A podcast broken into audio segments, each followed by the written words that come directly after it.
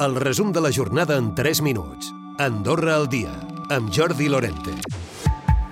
Les conductes de risc en els joves se solen detectar entre els 16 i els 18 anys, però cada cop s'avancen més.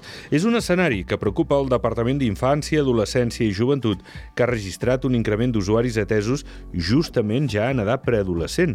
Generalment els comportaments d'aquests joves en risc van molt lligats a problemes de salut mental i es detecten per algunes conductes que són força determinades, com explica el director del Departament d'Infància, Adolescència i Joventut, el Jordi Oliver. No anar a l'escola, eh, arribar tard a casa o inclús no pernoctar, podríem parlar d'agressions, de, de, de consums, abusos de substàncies, i d'altra banda, els infants, en molts casos, estan enganxats a les pantalles i cada vegada ho estan més aviat. Els experts són clars, fins als 3 anys haurien d'estar prohibides, i és que són altament addictives, tot el que són aquestes pantalles de mòbil o de tauletes o d'ordinadors, i la sobreexposició alenteix, diuen, el desenvolupament cognitiu, especialment del llenguatge. En parla la presidenta del Col·legi de Logopedes, la Sara Fiter. Un llenguatge eh, empobrit, un llenguatge amb manca de, de vocabulari, i qui diu manca de vocabulari diu també manca de, de comprensió i d'anàlisi de l'entorn.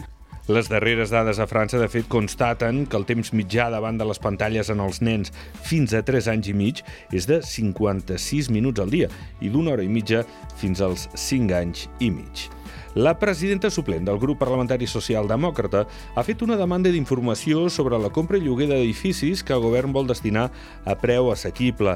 Demana a l'executiu els expedients, el procés de selecció d'immobles i els treballs de rehabilitació a fer i el seu import. Consideren essencial saber aquesta informació abans que comencin els treballs de reconversió. Fins ara s'han destinat més de 16 milions d'euros a compra i arrendament.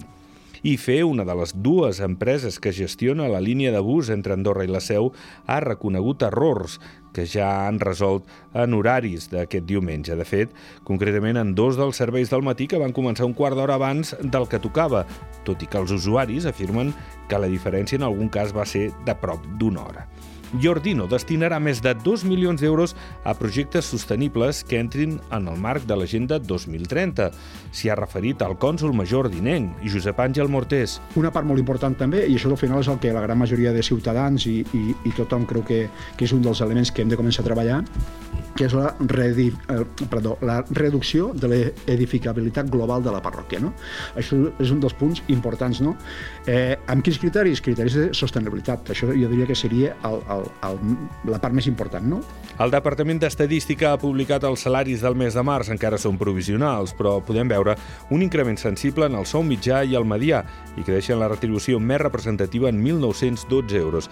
I acabem dient que la població resident al país, hores d'ara en aquest abril del 2023, seria de 82.600 persones. Això esdevé un 3% més que el mateix mes del 2022.